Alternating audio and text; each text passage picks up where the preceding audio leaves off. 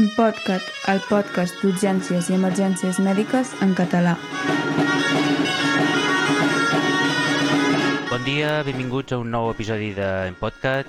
Com sabeu, és un espai que fem servir per eh, conversar i intentar fer una miqueta de difusió sobre les urgències i emergències sanitàries. I això ho fem doncs, eh, un petit eh, equip multidisciplinari multicèntric de dues persones que ens dediquem a aquest tema. Uh, per un costat tenim uh, l'Albert Oms. Hola, Albert, Albert, què tal, com estàs? Hola, bon dia, o bona nit, o bon el que sigui. Bé, a- on et podem, on et podem seguir, tu, a part del Empodcat? Bueno, jo sóc, eh, sóc infermer d'urgències i emergències i tinc aquest interès per difondre coneixement. Bueno, de fet, més que per difondre'l, per aprendre'l, i la manera d'aprendre'n més és difondre'l després. Tinc un blog, emermetpirineus.eu o .cat, segons preferiu, i les xarxes socials a Twitter i a mastodon.cat arroba emermetpirineus. I aquest qui ens ha parlat abans és en Xavi Basurto, de Figueres, eh, actualment. Sí, sí, de, actualment i des de fa ja molts anys. Uh, exacte, sóc metge de, doncs, d'urgències de l'Hospital de Figueres i de la base del SEM que tenim allà, que és la 606. I res, tenim també un, eh, un projecte de divulgació que és uh, Urgem, que la pàgina, el blog és urgem.cat i a Twitter és urgemcat. I pues això, conjuntament amb l'Albert doncs, tenim aquest en podcast que ens podeu escoltar totes les, no? uns podcasts que fem més o menys un cop al mes i que ens els podeu baixar, escoltar mentre eh, conduïu, aneu a caminar, aneu a l'hort o feu alguna activitat així que pugueu fer dues coses a la vegada, si és que això és possible. Tasques Doncs- domèstiques, tasques domèstiques. No menys Tasques tinguem les tasques domèstiques. No, no, no els menys tenim. Però es- mira, si a mi me diuen, eh, de vegades, mira, quan, quan estic eh, fent alguna cosa a la cuina, no sé què, eh, us escolto i me va molt bé. Sempre se'm queixen de que, clar, com, com que estan fent alguna altra cosa, és difícil de prendre punts o de notar-se allò que diuen, ostres, això no me'n recordaré. Uh, perquè, clar, lògicament, doncs, jo què sé, estan uh, no? pelant patates o escombrant, uh, uh, passant l'aspirador per casa, i clar, és difícil, ja pots tindre una mica d'atenció i escoltar el que intentem dir, però clar, agafar punts ja és més complicat. Però per això tenim el, el blog no, de l'Empodcat, que tot el que diem i tot el, sobretot les coses, els de, petits detalls, les pàgines, les recomanacions, els urgent mots i tot això que fem, queda tot allà escrit i vull dir, sense cap problema, quan si us ha semblat alguna cosa interessant i voleu després anar-ho a mirar, doncs allà ho teniu tot eh, amb els enllaços corresponents, amb els PDFs i no sé què més, però no hauria de ser un problema. O si voleu ampliar més i teniu més dubtes, escolta, tenim un canal de Telegram. Eh? Tenim un, perdó, Exacte. un grup de Telegram. Podeu anar allà i preguntar, escolta'm, allò que veu dir i tal. Doncs nosaltres contestem. Sí, sí, i, sí, i per això o a través de no, Twitter, que tenim la, el, la compte de Twitter de l'Empodcat, doncs, si hi ha alguna cosa que no trobeu o que hem dit i que no us ha quedat clar o el que sigui, doncs, eh, com que també ho anem penjant això a través de Twitter, doncs feu una resposta o un comentari i, i, i ens pregunteu el que vulgueu i l'Albert o jo us contestarem encantats. I a l'Instagram també, però no fem postureo. Exacte, exacte, molt bé, molt bé. I què més? Avui és l'episodi, crec que és, ja és el número 16, que deu ser el segon o el tercer de la segona temporada. El quart, el quart Ja. ja. El quart ja? Vinga, ja m'he descomptat, ja em descompto jo i tot. Uh, I en aquesta tenim, a part de les seccions uh, habituals dels ur- urgent mots i de les recomanacions de coses vàries, el tema principal avui ens explicarà l'Albert, que és una continuació d'un que ja havíem fet eh, fa un any més o menys, que són, eh, tu ho explicaràs millor, Albert, no? Les, les formes no tan clares, no tan evidents, no? de d'infarts de miocardi eh, oclusius, no? que no sempre es manifesten exactament eh, amb una elevació típica dels, de, de l'ST, no? i que sempre hauríem d'anar repassant constantment perquè és fàcil d'oblidar i gràcies a la teva persistència en aquest tema eh, al final al final n'anirem aprenent tots eh, que a mi també em costa això, eh, Albert? Vinga, va, anem al tema perquè em sembla que avui arribarem una miqueta. Eh, a vegades hi ha coses Va. a la vida que costen d'explicar. Vinga, endavant. Bé, fa un any, eh, vam, justament fa 12 episodis, eh? fa 12 mesos, fa un any, vam parlar d'això, del el manifest IAMO, el manifest de l'infart agut de miocardi oclusiu, eh, que és una traducció d'un document original d'uns savis, el doctor Smith, en Scott Weingart, Pendel Myers i de més, en què venien a dir que això del paradigma que estem fent servir actualment, el de l'infart amb elevació de l'ST, perdó, síndrome coronari agut amb elevació de l'ST, que això és una birria i que no l'hauríem de fer servir. Us recomano que l'escolteu o que el llegiu perquè és interessant el concepte que ells expliquen. Venen a dir que concentrant-nos en una qüestió operativa, és a dir, l'elevació de l'ST que veiem a l'electro, que és, no deixa de ser un signe, hem creat tot un paradigma d'assistència sanitària al voltant d'aquest signe, de l'elevació de l'ST, i ens hem descuidat de la part important, que és el que causa aquesta elevació de l'ST, que és l'infart que hi ha darrere, que és l'oclusió que hi ha darrere que podem tractar. I això fa que una sèrie de pacients que no tenen elevació de l'ST no se'ls faci el tractament de reperfusió que necessiten, i a l'inversa, gent que tenen elevació de l'ST, que no és a causa d'una oclusió, doncs se'ls hi fan procediments que són innecessaris. Doncs va, fa uns dies vaig publicar en el meu blog bueno, ara ve la part que ningú entendrà. És a dir, si acabo de posar a parir l'elevació de l'ST, resulta que ara parlaré del signe o dels de criteris que ens diagnostiquen de forma més habitual un infart agut de miocardi oclusiu. I no diríeu mai quin és el més habitual. Sí senyor, l'elevació de l'ST. Ara aquí posem un soroll de bateria, tot un xus, vale? perquè si acabo de dir que és una merda, perquè ara surto amb això. Bé, doncs la realitat és aquesta, és a dir, per què tenim aquest paradigma d'elevació de l'ST? Doncs perquè és el patró més habitual, electrocardiogràfic, que ens determina que hi ha una lesió eh, aguda provocada per, un, per una obstrucció. I això em permetrà explicar tota una sèrie de coses que ens seran útils per més endavant, quan parlem d'altres patrons electrocardiogràfics suggestius d'oclusió, doncs ja tenir aquesta, aquesta informació que sigui més fàcil d'entendre. Um, anem al principi. Què és un infart agut de miocardi? Bé, fa, em sembla que és el 2014, es va fer la quarta definició universal de, de l'infart de miocardi, universal perquè hi ha l'Associació Americana del Cor, la, la Societat Europea de Cardiologia i no sé qui més, i ens venen a definir què és un infart. Eh? Una cosa que tots entenem, però què és un infart per ells? Doncs mira, un infart per la, aquesta definició universal ho he dit 2014? Hòstia, que antic que to. Aquesta era la tercera. L'actual, la, la quarta és del 2019, perdoneu. Bueno, quina és la definició de l'infart de miocardi del 2019? Mira, doncs bàsicament és un pic de troponina. Eh? Troponina és aquesta substància que s'agrega en els, els miòcits quan estan en males circumstàncies. Un pic de troponina que superi el 99, el percentil 99 de referència.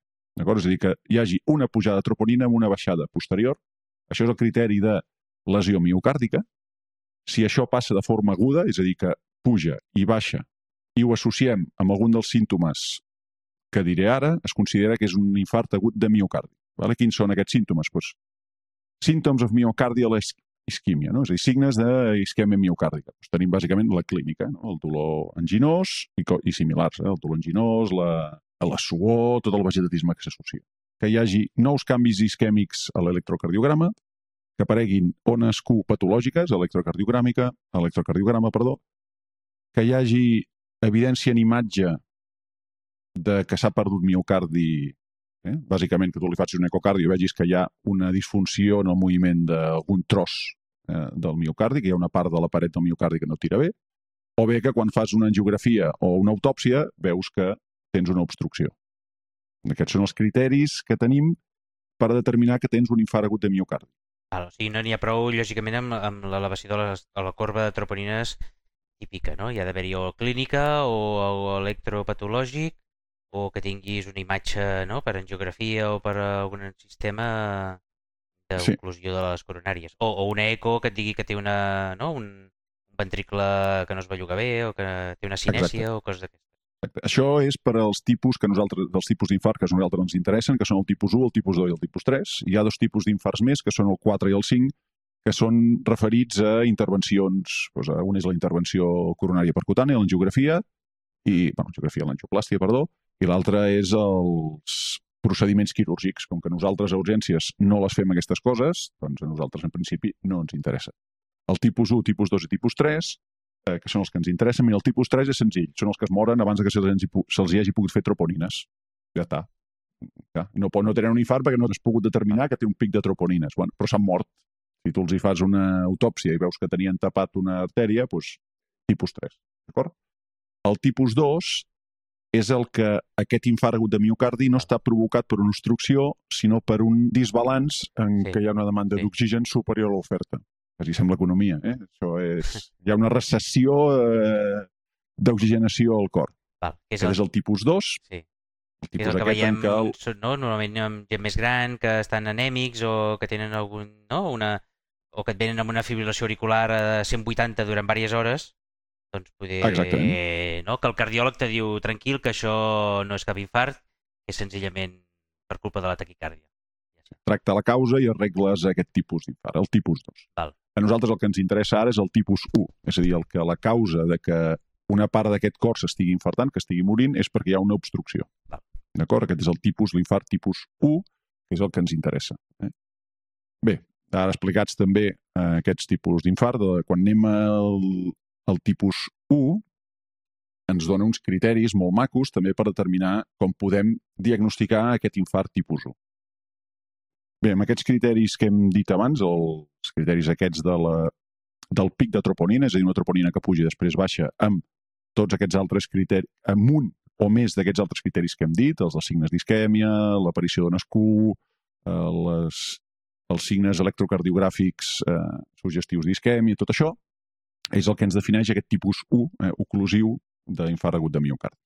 D'acord? Si ens concentrem en el que ens interessa, l'elevació a l'ECT en aquest cas, eh, és un criteri, és un d'aquests criteris electrocardiogràfics. D'acord?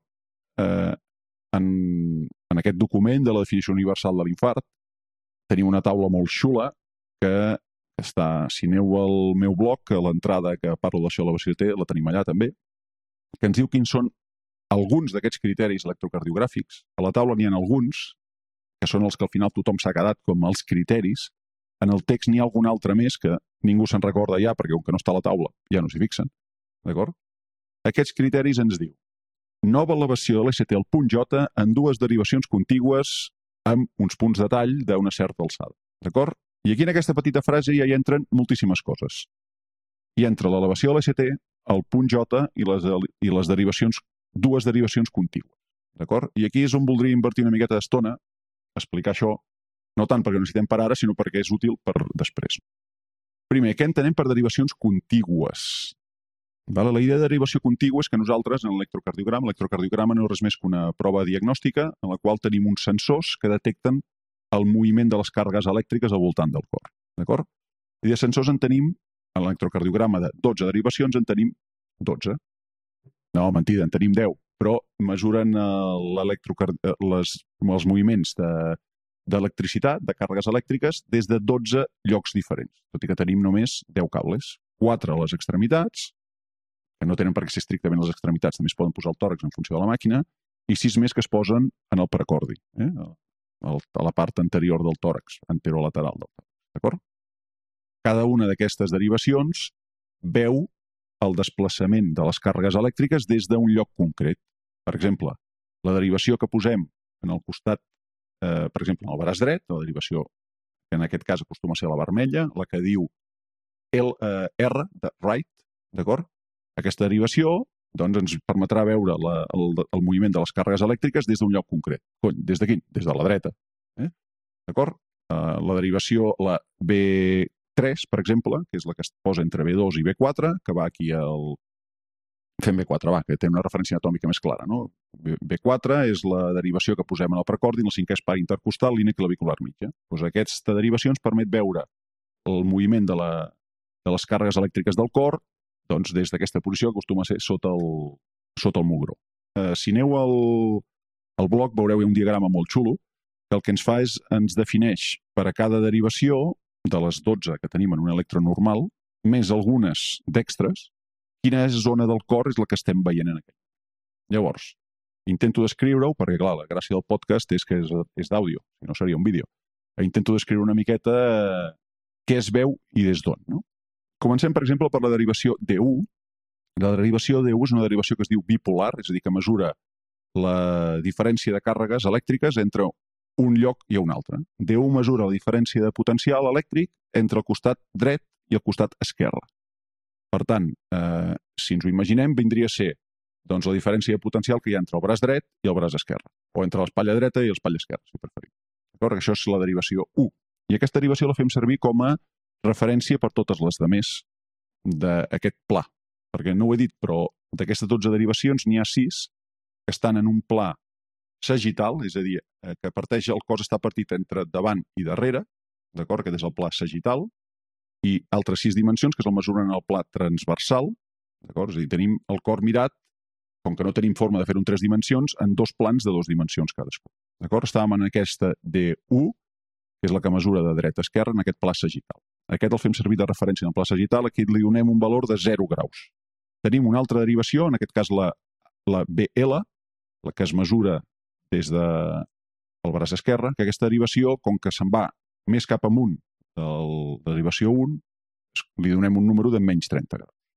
Tenim encara la derivació que es mesura des de braç dret, que és BR, que aquesta se'ns en va a la dreta del tot.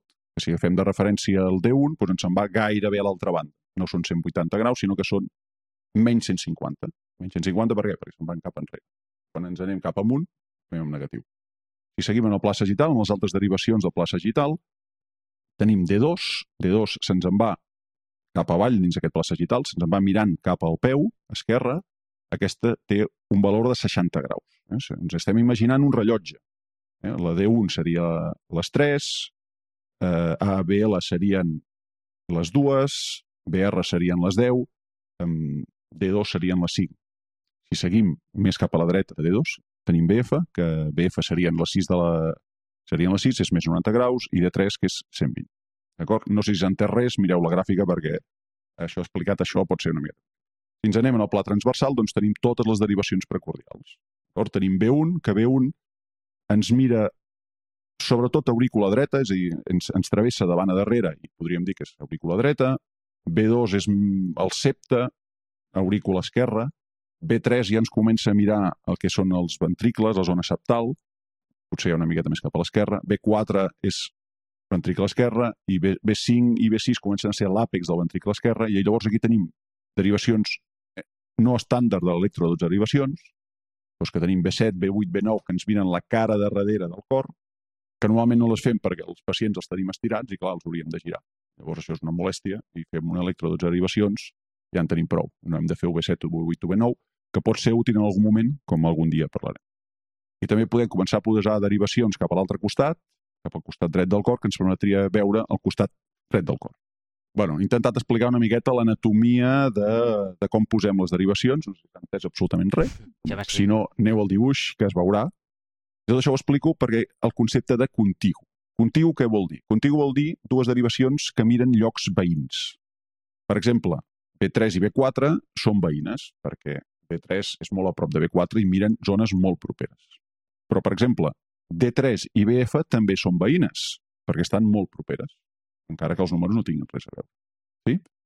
I B4R, la derivació dreta de B4, que és el mirall de B4 de l'altra banda, és veïna de BR, d'acord? Perquè BR mira al costat dret del cor i B4 també. Sí? B6, per exemple, ens mira a la zona apical i és molt propera a D1, que D1 ens mira de dreta a esquerra. Per tant, eh, si anem de dreta a esquerra, eh, comencem pel costat dret del cor i sortim per l'esquerra. La zona apical és ben bé la més esquerra del cor. D'acord? Això és el concepte de derivacions contigües. Hi ha una presentació d'electrocardiografia, de, de, és la, derivació, la, la presentació de Cabrera, que el que ens fa eh, és, evidentment, de B1 a B6 tothom té clar que un és contigu de l'altre, eh, va seguint el número, però les derivacions eh, bipolars, les derivacions del pla sagital, amb la, aquesta de carrera, el que ens fa és posar-les per ordre. Comença amb BL i acaba amb, amb D3. En el cas, en el nostre país això es fa servir molt poc, de fet, jo no ho he vist fer servir en lloc, i ens hem de guiar en imaginar eh, zones veïnes mirant l'electro de 12 derivacions. Quines són aquestes zones veïnes del pla sagital? Doncs mira, BL i D1 van juntes, són veïnes l'una de l'altra i D3, BF i D2 són veïnes. BL i 1 miren al costat lateral esquerre, D3, BF i 2 miren al costat inferior del cor, BR va sola, mira al costat dret, va al contrari de totes les altres. D'acord? B1, B2 miren la zona septal, B3, B4, B5 miren la zona anterior, B7, B8, B9 miren la zona posterior. És a dir, tenim agrupacions, derivacions que ens permeten veure veïnatge. I alhora ens trobem de que cada una d'aquestes agrupacions té un mirall, és a dir, la cara inferior és una miqueta mirall de BL. M'explico? Com que anem veient des de diferents llocs, el desplaçament de les càrregues elèctriques és de diferents llocs. Això era per parlar de les derivacions contigües. He dedicat 5 minuts a una paraula de, de la definició. Següent part de la definició que ens interessa, el punt J. Què és el punt J? Bé, el punt J és el lloc on acaba el QRS i comença l'ICT. Això està dit molt ràpid, habitualment es veu senzill, però quan comencem a tenir QRS raros, trobar el punt J és un festival. Sí, no és gens fàcil, no? Truco. El QRS és igual de llarg en totes les derivacions. Per tant, si tens alguna derivació en el qual el QRS es veu millor quan acaba, doncs mesurant quan hi ha des de que acaba fins al principi, saps en totes les altres derivacions on acaba el QRS. Si els que treballeu als hospitals feu servir el, el visualitzador aquest d'imatges, el Raim Weaver, Sí. que té, una, té un aplicatiu per, per electros, et pots posar totes les derivacions de l'electro així en una sota l'altra i llavors pots tirar una línia i llavors amb aquesta línia veus on acaba el QRS a totes les altres derivacions que, que són difícils basant-te només en aquesta en què no es veu tan mal. D'acord? Normalment aquest punt J és el que està alineat, és a dir, el QRS baixa, i en el moment en què s'alinea amb el PR, d'acord, o PQ, com li vulgueu dir, aquest acostuma a ser el punt J. És a dir, tu tens un QRS que fa doncs, baixa, puja, baixa, el que sigui, i quan torna a arribar, la senyal elèctrica torna a arribar a la mateixa alçada que el PR, això podríem considerar habitualment que és el punt J. Habitualment. Clar, si resulta que no arribem a, a, a creuar aquesta línia imaginària de, que continua el PR, doncs no sabrem on és el punt J. Eh? Perquè, clar, no, no, no, no ens creu a la línia. D'acord? No és senzill, com molt bé has dit, no és senzill de trobar. Hem de buscar aquesta derivació que sí que creui a la línia isoelèctrica per, per fer-nos una idea d'on pot ser. Si tinguéssim un traçat d'aquests guapos, eh, de, que realment és lineal, estable i tal, eh, aquesta línia que acabo de dir ara imaginària que segueix el segment PR, doncs ho podríem fer, seria millor fer servir el segment TP, el que va des de la T fins a la P. És molt important trobar aquest punt J, per què? Perquè la següent part de la definició és l'elevació de l'ST. Què vol dir elevació de l'ST? Doncs vol dir que aquest punt J està elevat respecte a la línia isoelèctrica. A veure, si agafem un QRS normal, el QRS acaba a la línia isoelèctrica i llavors segueix amb la línia isoelèctrica fins que comença la ona T. Això és l'habitual. Si tu tens el teu QRS que puja, baixa, puja o el que faci, se'n va a la isoelèctrica, avança un, passen uns mil·lisegons fins que comença la T. Si tenim aquest punt J una mica elevat o una mica descendit, ens trobarem de que no baixa la línia isoelèctrica, segueix per damunt o per sota aquesta línia isoelèctrica i després es completa la ona P d'alguna manera, pujant o baixant. Si aquesta elevació de l'ST és més gran d'unes mides, que continua la definició aquesta del tipus 1 de l'infart, això vol dir que tenim una isquèmia, això vol dir que tenim, estem començant a fer un infart aquí. En l'entrada al bloc doncs, hi ha molts exemples d'elevacions i disminucions d'aquest ST. El que hem de buscar és el- l'elevació del punt J o l'elevació de l'ST que hi ha després del punt J. Mira, la definició tal qual diu, dic perquè això ens fa gràcia llegir-ho, eh? eh? Nova elevació de l'ST al punt J. És a dir, és el punt J el que ens interessa aquí. Vale, o sigui que a partir del punt J hi hagi una elevació... O sigui, l'important no és el, on estigui posat el, el punt J, interpreto jo. És el que hi hagi després del punt J. Que el punt J l'has de tenir elevat, o sigui, el punt J ja ha d'estar elevat respecte a l'isoelèctric. Elevat o disminuït, eh, en funció de, des de quina derivació ho estiguis mirant. I si tu tens un punt J que està eh, a la isoelèctrica, no tens una elevació a l'ST.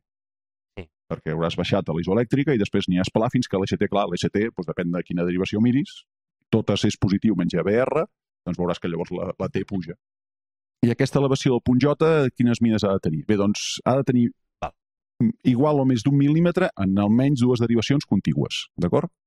Excepte B2 i B3, que aquí canvia en funció de si ets home o ets dona o de l'edat que tinguis. Val. Perquè és molt normal que els homes, més que les dones, les dones també, no tant, però també puja una miqueta més, és molt normal que el punt J estigui elevat en B2, B3.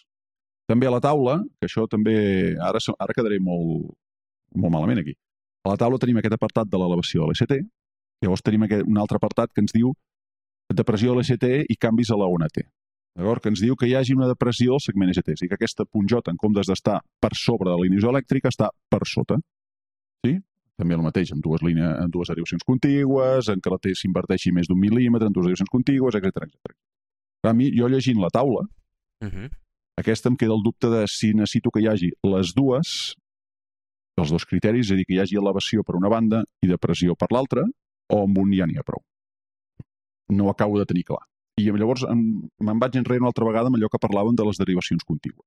Si a cara inferior tinc que D3 i BF pugen 2 mil·límetres, per força, al costat mirall, que en aquest cas és BL, Sí. hauré de veure que si al costat BF l'electricitat, mm. l'ST puja, al costat BL haurà d'haver baixat. Dir, forçosament hauré de tenir una imatge especular. Bé, bé. No sé si està entenent, eh? Jo tinc la sensació que estic fotent aquí un liu important. Si us plau, aneu a mirar la, el dibuix aquest, que és bastant s'entén bastant millor quan ho veus més que quan s'explica. Eh?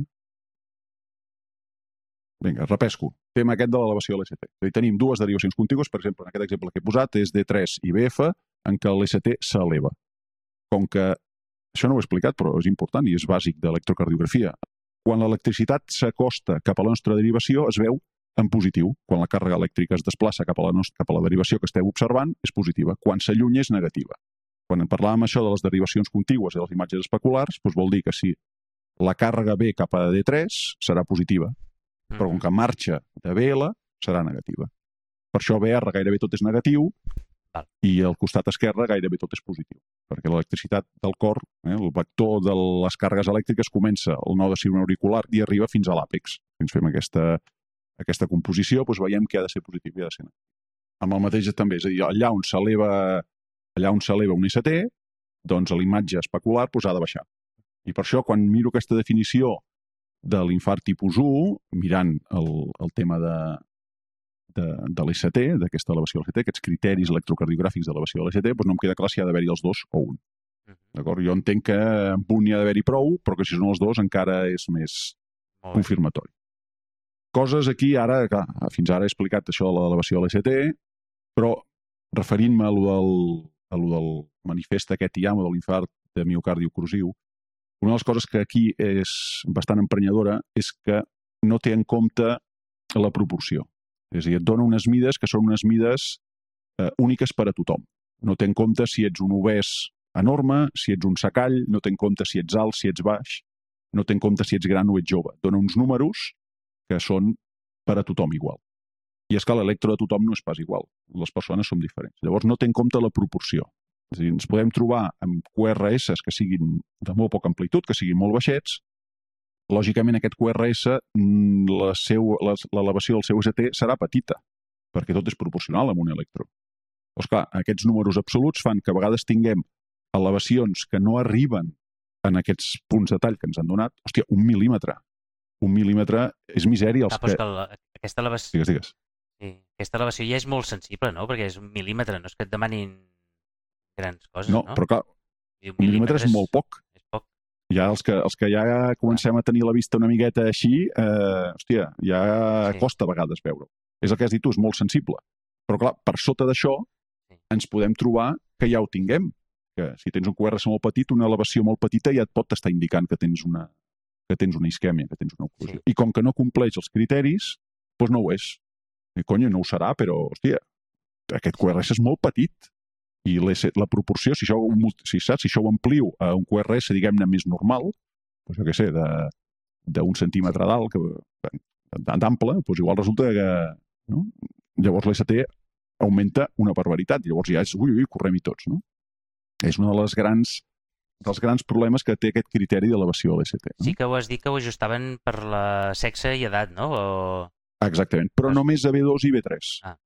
És a dir, que en certa manera es reconeix implícitament que hi ha una qüestió de proporcions, però segueix donant un número absolut. No? Ah, és senzill, és més senzill. No? És per exemple, amb els números aquests, va, eh, hi ha d'haver-hi més d'un mil·límetre en les derivacions d'extremitats, és a dir, doncs, BR, BL, BF, D1, D2, D3, Sí. i a B1 i B4, B6, i també de, de B7 a B9 per a homes menors de 40 anys. B7, B9 són les posteriors. Eh? Si ets un home de menys de 40 anys, aquí també ha de, més d'un mil·límetre, mal. Si ets un home menor de 30, també B3 i BR, és a dir, les dues de la dreta, doncs també més d'un mil·límetre, mal. Però llavors anem a B2, B3, resulta que si ets dona, més d'un mil·límetre i mig. Si ets home de més de 40 anys, més de 2 mil·límetres. A B2 i B3 només, eh? Si ets home menor de 40 anys, 2 i mig Mhm. mil·límetres, 2,5 mil·límetres, a B2 i B3. I si ens anem només, si, si no ets un home menor de 40 o un home menor de 30, si ens anem a les derivacions posteriors o dretes, més de mig mil·límetre. Que mig mil·límetre, hòstia, jo mig mil·límetre, jo necessito una lupa. Jo ja estic una miqueta en presbícia, necessito una lupa per veure mig mil·límetre. Sí. Bueno, a vegades potser que ara hi surt més a compte d'apartar-te, allò, mirar-te l'electro de lluny i dir, hòstia, això sembla que puja o no. Llavors ja, ja t'estàs Sí, enganyant a tu mateix moltes vegades. Eh? Eh, et sembla, vols creure que, que d'això en sí, vale? Uh, la, el tema aquest que deia de si, si ha d'haver-hi els dos criteris, és a dir, el d'elevació per una banda i el de, de pressió per l'altra, a molts llibres de text es parla sempre de la imatge especular. D'acord? És a dir, que si una banda puja, la cara contrària, la cara mirall, doncs veu que baixa. Correcte? Què passa? Hi ha un, en electro 12 derivacions, hi ha una cara que no tenim la imatge mirall, que és la cara anterior. Pues de B1 a B4 ens mirem des de davant. Però, és clar, quines són les de darrere? Les posteriors que no fem de forma sí. habitual. Si veiem que les anteriors, és a dir, B2, B3, hi ha una depressió de l'ST, el que hauríem de fer és anar a fer unes posteriors per veure que hi hagi una elevació. Perquè un és mirall de l'altre. I alhora, si tenim un B3, B4, amb un ST que superi les mides aquestes, que hem dit abans, clar, eh, no tenim les posteriors que es veuria a la imatge especular. Llavors aquí aquest, aquesta, duali, aquesta cosa de si ha d'haver-hi els dos o no, doncs, nye, eh? no, no ho sé. Algú que en sàpiga més que jo li agrairé que, que m'il·lustri. Bueno, senzillament, és senzillament pensar-hi i quan vegis no, canvis a, en aquestes derivacions anteriors i tal, doncs fer-li les posteriors. Exacte, sí, sí. Ah. Tot i que hi ha una certa discussió de si és necessari o no. Si tu, si tu ja tens clar que Ja, ja. tens... Si tu ja tens clar que ara anterior tens un infradesnivell considerable, ja és diagnòstic, Sí, sí. no necessites més. Pots necessitar-ho per convèncer el. L'intervencionista perquè ho faci per dir-li no, goita, hi ha una elevació a l'ST, amb la qual encara justifiques més la idea que hi ha darrere d'aquest manifest eh, de l'infart agut de miocardi oclusiu en contra del, del, del paradigma aquest d'elevació a l'ST versus no elevació a l'ST. D'acord? Ara, ara estava pensant, Albert, penso que el 100% de les vegades quan actives un codi YAM i parles amb, amb Secos per avisar, per alertar a la taula d'hemodinàmica que venim amb un codi YAM, el que sempre me pregunten, sempre, sempre, sempre, és si té... Jo li dic, pues té una elevació a cara inferior, no sé què, i la, sem- la, sempre la pregunta és si té imatge especular. Sempre, si hi ha imatges recíproques o no. Suposo que per evitar els fals, falsos positius no? de l'elevació de l'ST per altres causes o per, eh, per lo que sigui. Sí, sí, que de Però falsos sí, positius, de falsos positius n'hi ha molts i espero més endavant poder dedicar una altra entrada al blog i qui sap si també un altre episodi de l'Empodcast justament als, a les elevacions de l'ST que no són eh, diagnòstiques de- d'oclusió coronària. Eh? Va, intento explicar electros. Eh? Explicar electros en... per En, àudio. trans, en transmissió amb sí, àudio. sí. Això, hòstia. Això es Això denota, això es denota de matrícula, eh? En la meva entrada tinc diversos electros. Saps aquells electros que vas guardant a la taquilla i al cap de 3 anys els trobes i dius, hòstia, això no sé què collons era i tal, doncs n'he trobat uns quants. I els he anat descrivint aquí. I si et sembla el que puc fer és intentar, els oients, a veure si sou capaç, si me'n surto ja ens ho direu, intentar descriure eh, electros perquè es vegi aquest concepte d'elevació de l'ST eh, i, i a què ens referim en això. No? Vinga, va, un exemple. Tinc un electro davant meu, que és un d'aquests electros trobats, eh, trobats i tal, en què jo aniré, intentaré descriure una miqueta què és el que veig. No? És un electro amb, fet amb els paràmetres correctes, eh? és a dir, un milivol és un centímetre i està gravat a 25 mil·límetres per segon. A més a més, tot l'electro està en una línia isoelèctrica preciosa. Eh? Eh, és l'exemple 1 que tinc en l'entrada del blog. No el podeu seguir allà si teniu, si esteu davant d'una pantalla ara mateix. En aquest electro, que és tan preciós, està una miqueta vibrat, suposo que el braç dret està una miqueta mal ajustat perquè està una miqueta vibrat U, BR i BL, però bueno, veu- es veu prou bé. És un ritme sinusal normal, amb un eix normal també, amb una progressió de les R's bastant digna, no QRS és estret. Fins a l'ST tot és normal.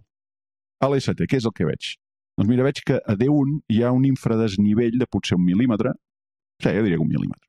A D2, aquest punt J que parlàvem, és a dir, quan faig el tall, aquest punt J no arriba a l'isoelèctric, es queda un mil·límetre per sobre, i després comença a pujar l'ST, és a dir, tenim una R que baixa, no arriba a la isoelèctrica, es queda un mil·límetre, i llavors comença a pujar amb una forma, ni podríem dir Aquí jo sempre em foto un lío de què és còncau i què és convex. Eh? És a dir, mirat des de dalt té forma de cullera. A D3 tenim la forma similar, però en comptes d'estar a un mil·límetre aquest punt J de la línia isoelèctrica està a 2. Jo diria que a 2, potser una miqueta més.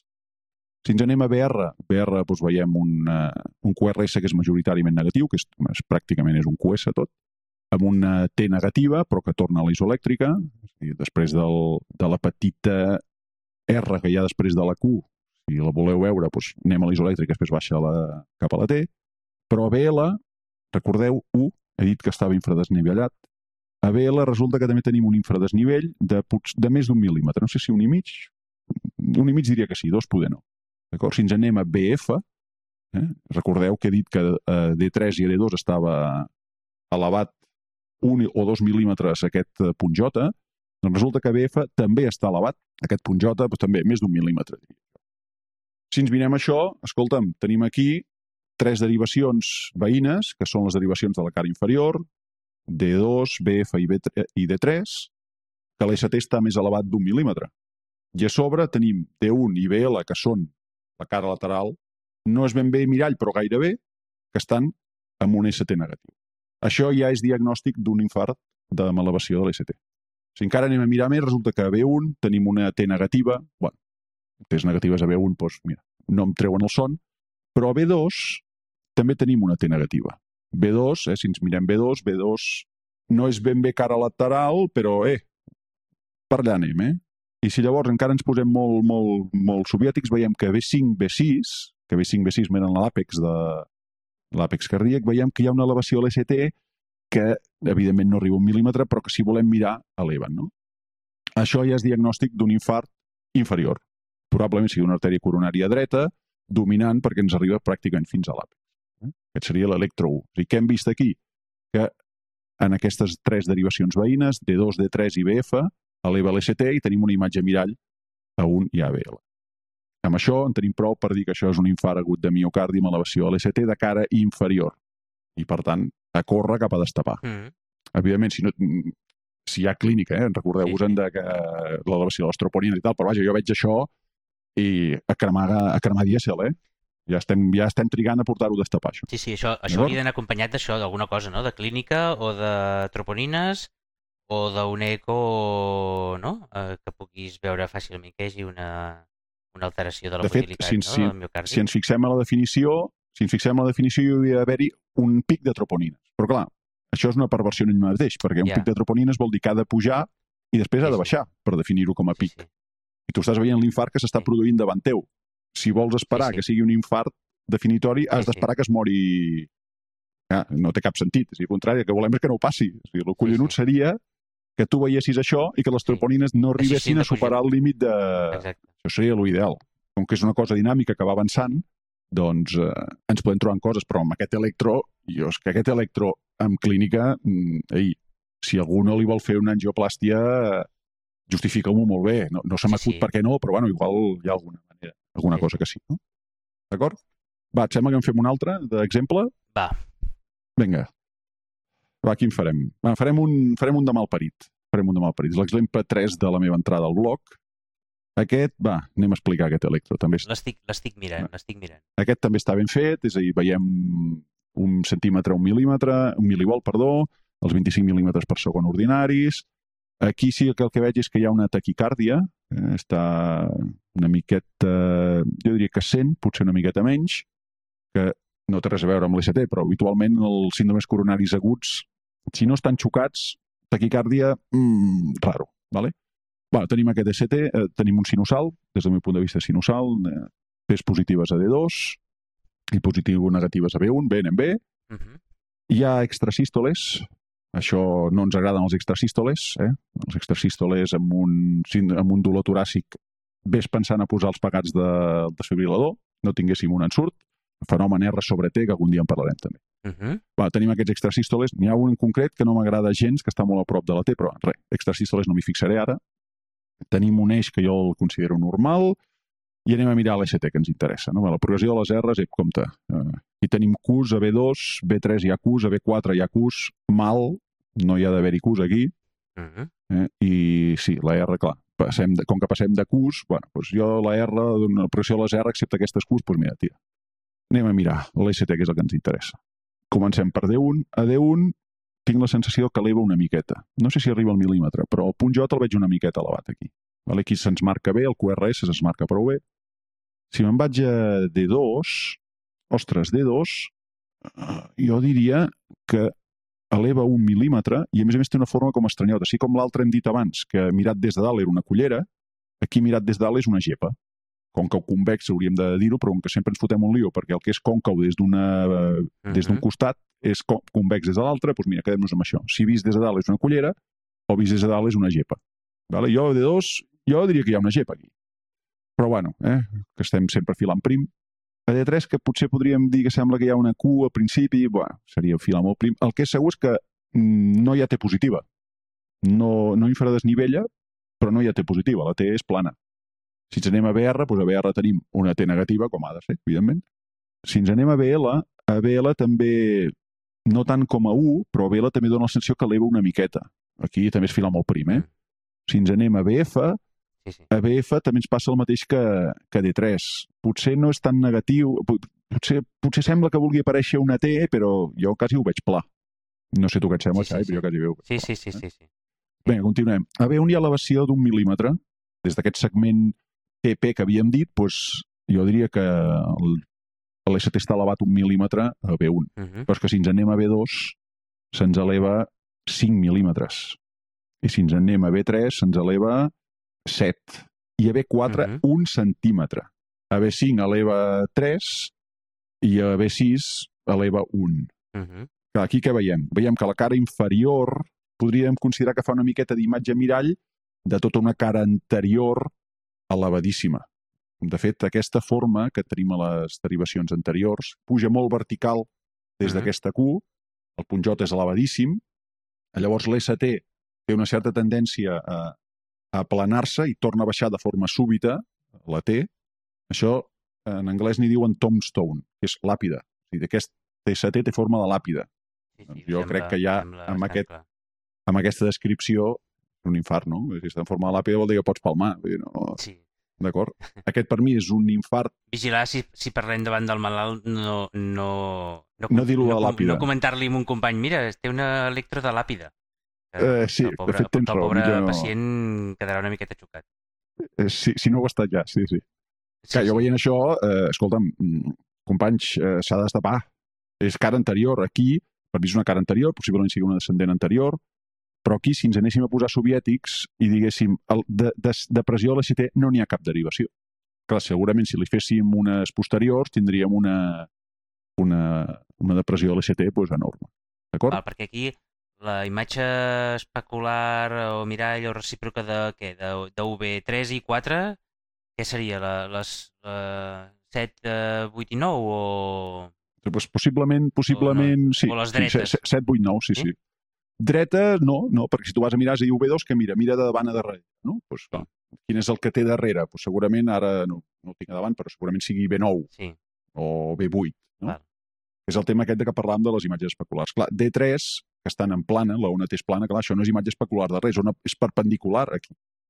Eh, allò que parlàvem de, de la depressió de l'ST, doncs, bueno, aquest és un exemple de que no tens depressió a l'ST, però jo tinc clínica i tinc això, no em facis buscar una depressió a l'ST, sisplau. sí, no, Munta'm la taula que venim a destapar.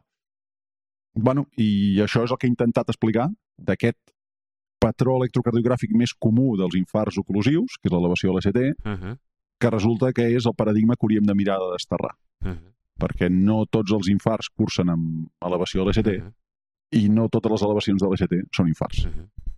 però la majoria sí. Sí, l'únic que, clar, el millor, és, el millor aquest és el patró, no sé, m'ho invento, eh, més o menys, del 60% de, no, de les oclusions coronàries que fan infart, potser són similars a això. Clar, si només ens fixem en això, potser ens deixem no, una tercera part o, o més d'oclusions que no les veiem, si només mirem elevacions. Mira, amb, el, amb, amb, quan traduïa allò del manifest aquest, del manifest IMAO, Sí. doncs parlaven de que al voltant d'un 25% dels infarts Sí. No entren als criteris d'elevació de l'ACT. Això canvia en funció de, de quina és l'artèria tapada. Sí, És a dir, hi ha artèries on passa més que d'altres. I alhora també deien que un 25% de les elevacions de l'ACT sí.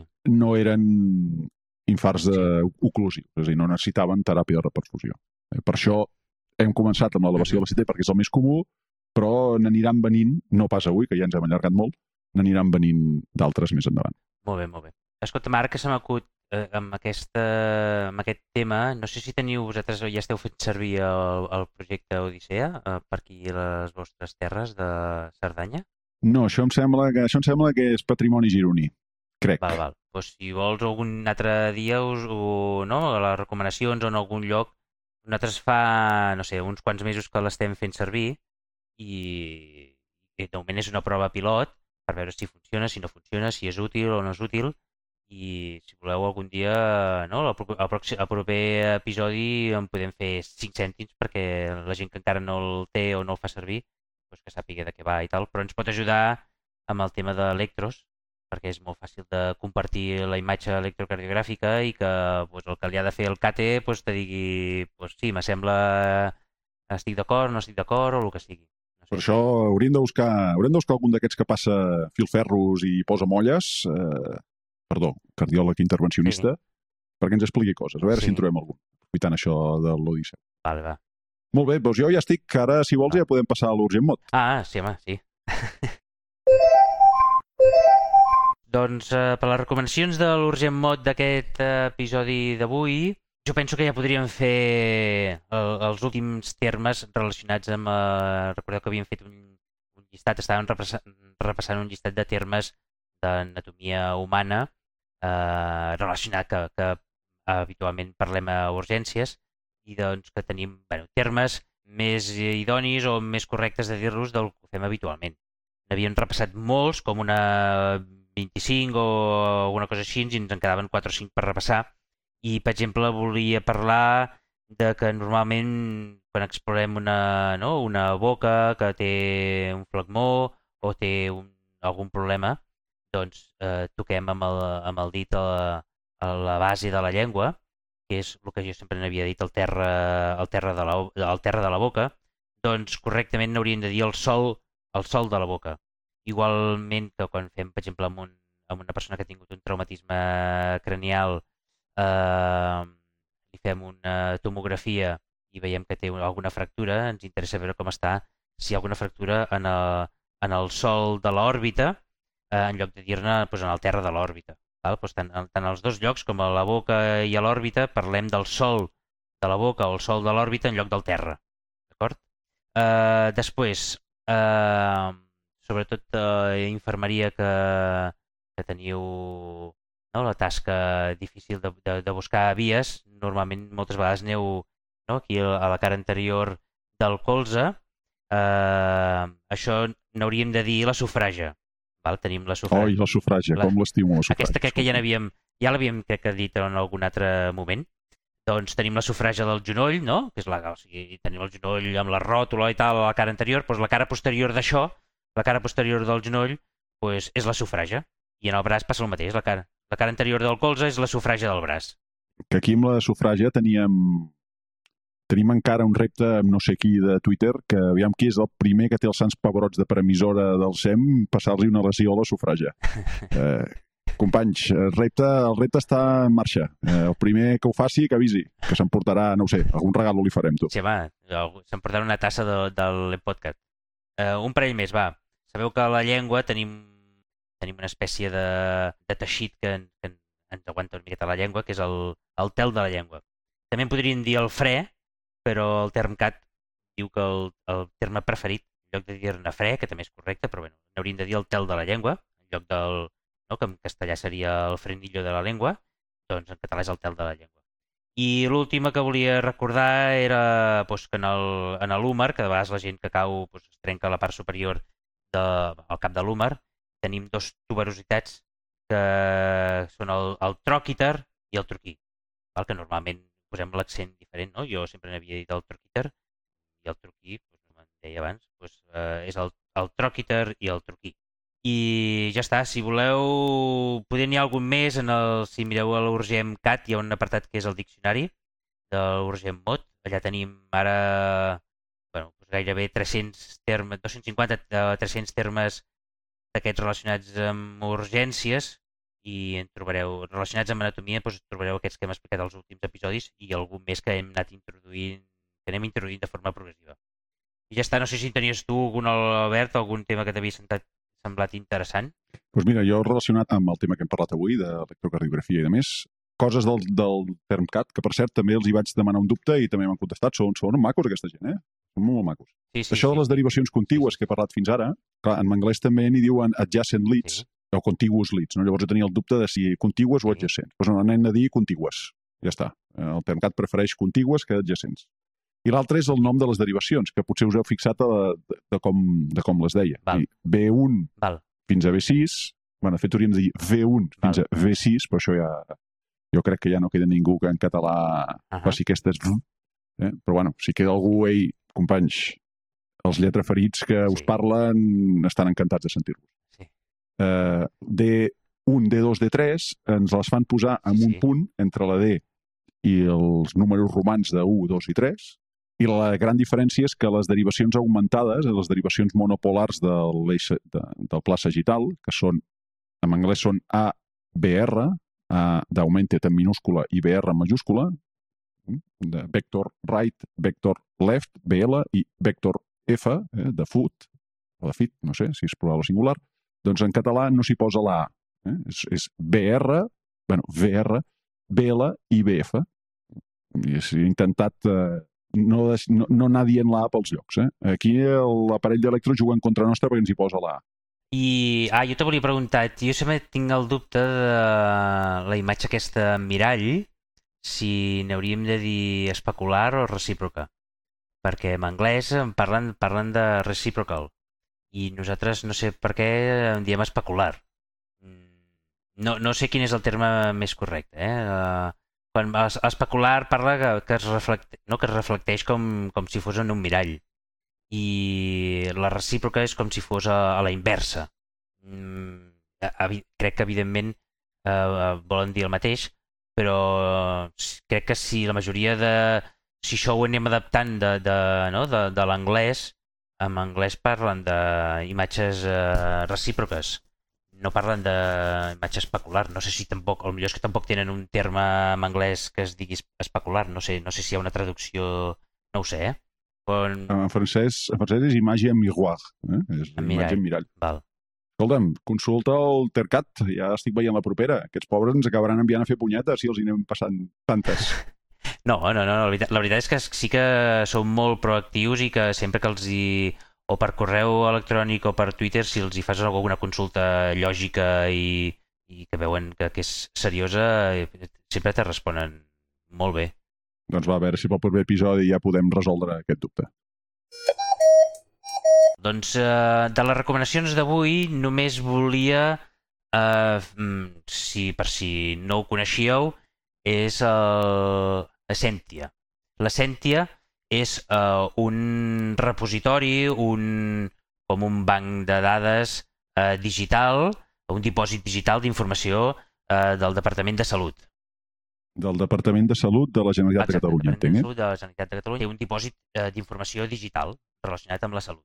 Pensem-hi com si fos una biblioteca, no? Una biblioteca on s'arxiva molt, molts tipus de documents, no? articles científics, monografies, revistes, guies de pràctica clínica, protocols, eh, presentacions eh, que hagis fet a jornades, a congressos, pòsters, materials de divulgació, i tot això si tu ho has fet a nivell teu centre de salut, al teu hospital, al teu on te treballis, doncs ho pots enviar-ho de forma, hi ha una forma establerta per fer-ho, no, no, no, és, no és immediat, a Sentia, de tal manera que qualsevol altra persona, tu entres a Sentia i busques si hi ha algun material sobre, no sé, sobre l'evasió de l'ST, que estem parlant avui, doncs hi pots trobar doncs, eh, això, protocols, eh, algú que hagi fet algun pòster en algun congrés o algun estudi que l'hagi presentat en algun congrés o tingui alguna cosa interessant, doncs la gent ho penja a, a Sentia. I arribes a través de la pàgina de salut de GenCat, hi ha la pàgina web que és eh, sentiasalut.gencat.cat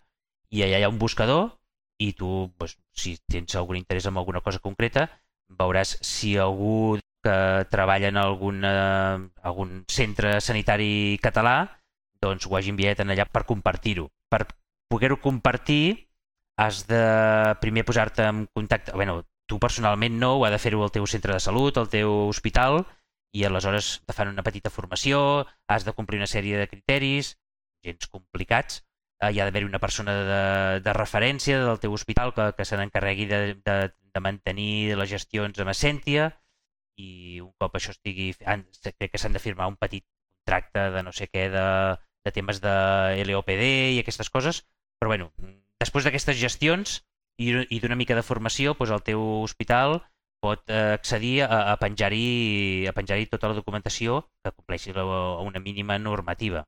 I això es fa, doncs, un cop penjat allà, doncs tothom hi té accés. I bueno, sí que s'hi troben coses interessants, eh? I no sé, per, per temes que hagis fet tu, algú, jo ho veig útil també amb això, eh? de temes que hagis fet tu alguna petita recerca científica que poder no, no sigui suficient com per eh, publicar-ho en una revista d'impacte, etc. bueno, doncs almenys eh, si t'ha quedat bé i has fet un pòster o has fet un resum o has fet un escrit, doncs ho pots enviar-ho en allà i així és una forma més de compartir doncs, doncs, eh, no? la, la ciència que has fet, de compartir-la amb tothom i molt fàcil d'utilitzar. Essentia, a salutgencat. Molt bé. I això ho deus tenir, aquest cercador ja el deus tenir posat també dins el teu metacercador, el metacercador de l'Urgent sí. també està posat allà, eh? A l'Essentia. Ah, exacte, bé, sí, està posat. Està posat. Interessant. Hauré... No em consta que la meva que el meu centre de treball estigui inclòs en això, ja tinc, ja tinc una altra feina per no, fer. No, n'hi ha, no sé per què, sí que, sí que es necessita... Bueno, nosaltres a l'Hospital de Figueres ho, ho vam fer-ho i la veritat és que és, són, són fer quatre tràmits burocràtics i després fer una reunió amb ells i després que hi hagi una persona de, de referència i poca cosa més, eh? Però sí, veig que hi ha no? el Consorci Sanitari de Terrassa, l'Institut d'Assistència Sanitària, el Trueta, l'Hospital de Granollers, lògicament l'Institut Català de Salut, eh, la Mutua de Terrassa, la Vall d'Hebron, l'IDIAP de Jordi, Jordi Gol, el Consorci Sanitari de la Noia, l'Aquas, el Servei Català de Salut, Departament de Salut...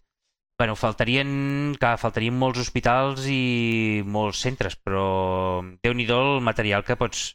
i tot el, tot el que fa no, el Departament de Salut i tot això també ho pengen allà, que, que també és, és, és una forma fàcil de buscar, no? si busques els protocols de, del maneig farmacològic de, de la infecció mm, del Covid o SARS-CoV-2 i tal, pues, aquí sempre ho tens penjat i molt fàcil d'accedir i pots buscar per, eh, per participants o per autors o pel títol o per matèries, tens diferents, diferents formes de filtrar la informació i és molt fàcil de buscar. I ja està. Molt bé. Doncs mira, jo tinc, lligant amb la teva, una recomanació teva del, de l'episodi passat, la d'aquell del Pharma D, que feien infografies d'un tema concret, sí. eh, jo ara fa poc sí. que he traduït una cosa semblant, és una iniciativa de Nick, Nick Smith, em sembla que es diu el metge que, que ho fa, que és One Pager ICU. Eh, pager, en aquest cas, és per, no és per el, pel busca, sinó per la pàgina. Eh? Per, és temes de cures intensives en una sola pàgina. Ah, molt bé. Per exemple, el que he traduït és el de la pulsioximetria, doncs en una sola pàgina doncs tens tot un resum de informació interessant sobre aquest tema. Doncs en el cas d'aquest, que dic el que he traduït de la pulsioximetria, doncs et diu coses que has de tenir presents, quan els valors són creïbles, quan no ho són, què representa cada cosa, eh, com funciona la tècnica i demés. Eh, és torna a ser el mateix que explicaves tu d'aquest eh, del, del Pharma D aquest de, eh, de l'episodi passat, doncs que tens tot el, sí. tot el contingut que tu consideres oportú d'un tema, el tens en una sola pàgina, és un resum d'una sola pàgina. He vist gent que tenen eh, llocs sí. d'aquests grans eh, Estats Units que a la sala dels residents tenen les parets plegades ah, sí? Val. de, de les pàgines d'aquest del OnePage, no? És a dir, en aquest cas, perquè he fet de la pulsioximetria, que és una tècnica, però, per exemple, n'hi ha de, de patologies vàries, doncs jo què sé, de, de privació alcohòlica, sí. ho tens allà penjat. Que, hòstia, com anava això de privació alcohòlica? Pues, els residents s'aixecaven, anaven a mirar... Bueno, els residents, els, sí. els clínics que hi haguessin en aquell moment s'aixecaven i anaven a mirar-ho allà al, uh -huh. la pàgina que havien penjat d'aquest tio. No? Bé, És, un, és interessant i com que és un projecte d'aquests de FOAMED, de Free Sí. Open Access eh, Sí. a Medicina, i està amb unes llicències que es poden reutilitzar, doncs estic, eh, n'he traduït una i entre, espero traduir-ne més Ahà. I publicar-les. Eh? Aquests one-pagers ICU. Val, aquest veig que també té no, la, el Twitter, té una compte de Twitter que almenys en diu Nick Mark, arroba Nick Mark. Llavors això, he dit Nick Sí. Smith, doncs Nick Mark, mira. Sí, Nick Mark Doncs posa el seu compte de Twitter i és de Seattle. Molt bé, doncs no el coneixia, eh, aquest eh, Nick Mark. El seguirem, aviam si el que... No, els resums aquests que fan estan molt bé, sembla que estiguin molt, molt útils. Molt bé, molt bé. A mi m'ha agradat. Eh? Per cert, eh, d'alguna cosa de la pulsioximetria també en parlarem, perquè resulta que la pulsioximetria també és racista, però això per un Ah. altre episodi. Molt bé, molt bé. ja sé per on vas. Molt bé, doncs uh, molt bé. No sé si ens queda res més per aquest episodi. Jo penso que ja, Ja podem anar tirant, tu. ja ho hem fet uh, prou llarg i jo penso que si estaves escombrant uh, o aspirant la casa o fent uh, els, uh, els canelons uh, pel diumenge ja hauràs acabat. I no sé, si, no ens, si ens hem deixat alguna cosa, al proper episodi en parlarem, no, Albert? Sí, sí, no, ui, de, de, de patrons electrocardiogràfics que no són elevació de l'ECT, molts, molts, molts. No, Encara en tens, encara Sí, en tens no- a, la, a la carpeta encara en tens uns sí, quants, no eh? acabaré, amb un episodi no n'hi ha pas prou, eh? necessitarem més. Eh? molt bé, molt bé.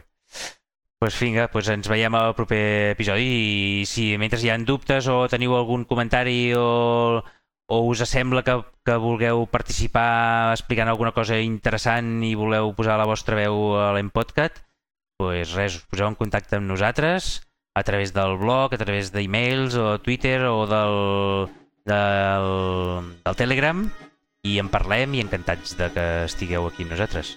Molt bé, doncs vinga, ja acabem per avui. Ens veiem, perdó, ens sentim el mes vinent. Vinga, adeu-siau.